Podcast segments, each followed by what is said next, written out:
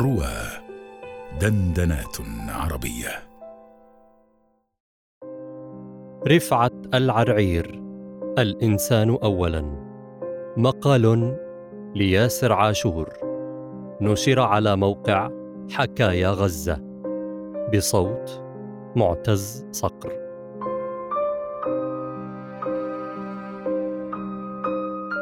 كنت في السابعة عشر عندما تعرفت على الشهيد رفعت العرعير أول مرة خلال إحدى فعاليات ديوان غزة في فندق المتحف. كان يجلس على يساري صديقي الجديد المقداد مقداد، وعلى يساري رجل مبتسم يرتدي نظارة طبية ويحمل هاتفا بيده محاولا التقاط إشارة الإنترنت.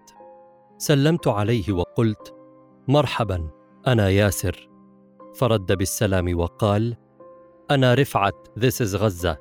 كان ذلك في إبريل عام 2012 وقصد ب This is غزة اسم حسابه المعروف في تويتر.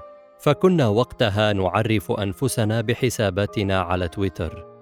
استأذن مني وأمسك بالكتاب الذي بيدي وكان وقتها ديوان في القدس للشاعر تميم البرغوثي. أخبرني أنه يحب تميما وقصائده ويدرسها لطلابه في الجامعة بعد أن يترجمها ترجمة أدبية. سألته باستغراب انت شو بتشتغل ضحك وأجاب أستاذ الأدب الإنجليزي بالجامعة الإسلامية بغزة. بس لا تخاف أنت لسه ما وصلت الجامعة فأمورك تمام. التقينا لاحقا أكثر من مرة في خيمات التضامن مع الأسرى المضربين عن الطعام في سجون الاحتلال واستمرت صداقتنا بعد ذلك وتطورت من مجرد شخص تعرفت عليه إلى أخ كبير رافقني بتواصله إلى حين استشهد. في عام 2016 خلال دراسته الدكتوراه في جامعة بوترا بماليزيا زار أبو عمر مدينة إسطنبول حيث انتقلت للدراسة والإقامة. تجولنا معا في شوارع المدينة لساعات طويلة. ذهبنا إلى حي الفاتح الشهير وسط المدينة. وتجولنا في حي بلاط الذي كان يسكنه اليهود مرورا بمسجد أبي أيوب الأنصاري. وصعدنا بالتلفريك لنرى المدينة من الأعلى. وفي كل المحطات كان لديه قدرة عالية على مقارنة كل شيء بغزة. الشوارع والناس والمساجد والهواء وكل شيء حرفيا. توجهنا بعد ذلك إلى ميدان تقسيم الشهير الذي شهد ساحة حرب ليلة محاولة الانقلاب الفاشل في تركيا قبل أشهر من زيارته. سألني عن الجملة المكتوبة على اللوحة الكبيرة في منتصف الميدان فأخبرته أنها تعني أن الحكم للشعب باللغة التركية. فطلب التقاط صورة معها ونشرها على حسابه في فيسبوك توثيقا لهذه اللحظة. عندما حان وقت الغداء قلت له تدلل يا دكتور إسطنبول مدينة الأكل. شو جاي على بالك ناكل. ففاجأني بأنه يريد اكلا فلسطينيا وحبذا لو كان من غزة. فكان أقرب مطعم من مكان تواجدنا هو فلافل غزة. توجهنا إلى هناك وتناولنا سندويشات الفلافل التي لم يغيب عنها حسه الفكاهي بمقارنتها بفلافل غزة. ومزح صاحب المطعم أن الفلفل الأحمر الذي يستخدمونه ليس له علاقة بفلفل غزة المعروف بحرقانه الشديد. لنكمل بعدها تجولنا في المدينة حتى المساء. تحدثنا كثيرا عن عائلتي التي لم يلتقي بأحد منهم من قبل.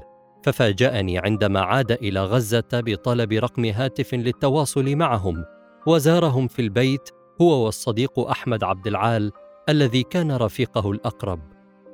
أرسل لي من هناك صورة مع أختي الصغيرة شمس وهو يحتضنها وكان قد التقط لي صورة في إسطنبول أعطاها لأمي وشاهدتها للمرة الأولى في ذلك الوقت.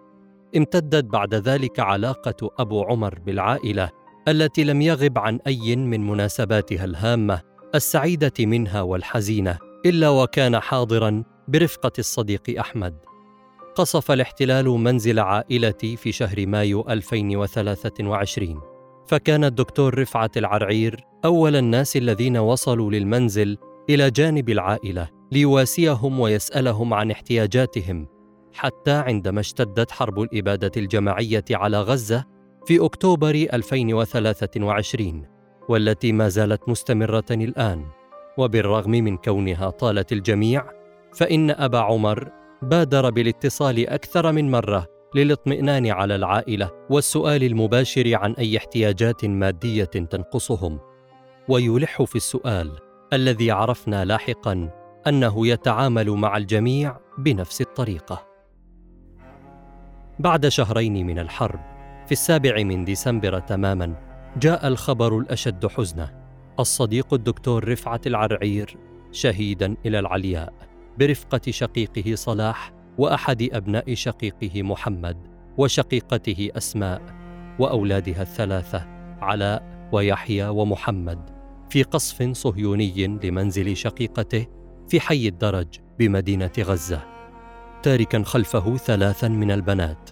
وثلاثة من الأولاد وزوجته الصابرة وما زالت جثامين الشهداء تحت الأنقاض حتى الآن بسبب عدم القدرة على انتشال الركام في المدينة المحاصرة تحت النيران.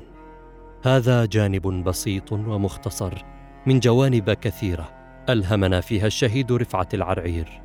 سنتحدث جميعنا عنها عندما تتوقف الحرب ونخلد ذكر الرجل العظيم. الذي ترك أثره فينا إلى الأبد.